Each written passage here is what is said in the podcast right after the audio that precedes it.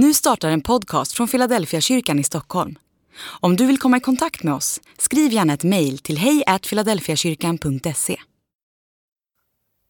Dag 358 Frestelser Ge oss idag vårt bröd för dagen som kommer och förlåt oss våra skulder, liksom vi har förlåtit dem som står i skuld till oss.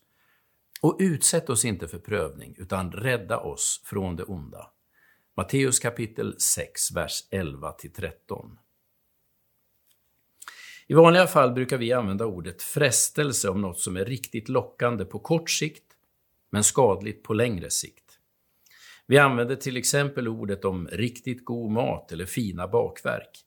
Vi vet att det smakar gott så fort det kommer i munnen, men på lite längre sikt kommer det att höja våra blodfetter och öka vårt blodtryck.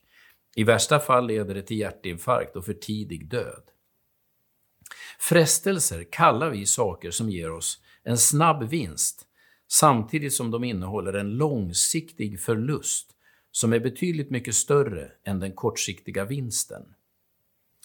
I den gamla översättningen av Fader vår stod det frestelser istället för prövningar.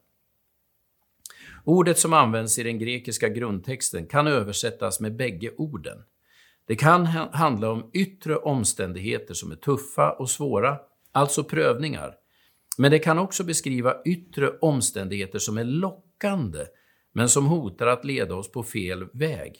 Det vill säga frestelser. När Jesus talar om prövningar i bönen Fader vår kan det alltså handla om antingen prövningar eller frestelser. Oftast vet vi när vi utsätts för frestelser. Vi inser direkt att det vi lockas av kommer att tillfredsställa oss kortsiktigt, men plundra oss på längre sikt. Ändå har vi oftast svårt att stå emot. Vi har alla en naturlig dragning till snabba belöningar. Ibland beskriver man mognad som just en förmåga att skjuta upp belöningar. Att inte välja de kortsiktiga vinsterna, utan hålla sig till de långsiktiga målen. Handen på hjärtat, de flesta av oss är nog inte så mogna som vi önskade. I teorin vet vi vad vi ska undvika och vad vi ska satsa på. Men med en frestelse framför ögonen så har många av oss svårt att stå emot, trots att vi vet vad vi kan förlora. Vad gör man då? Jesus svar till alla som kämpar med frestelser är att be Gud om hjälp.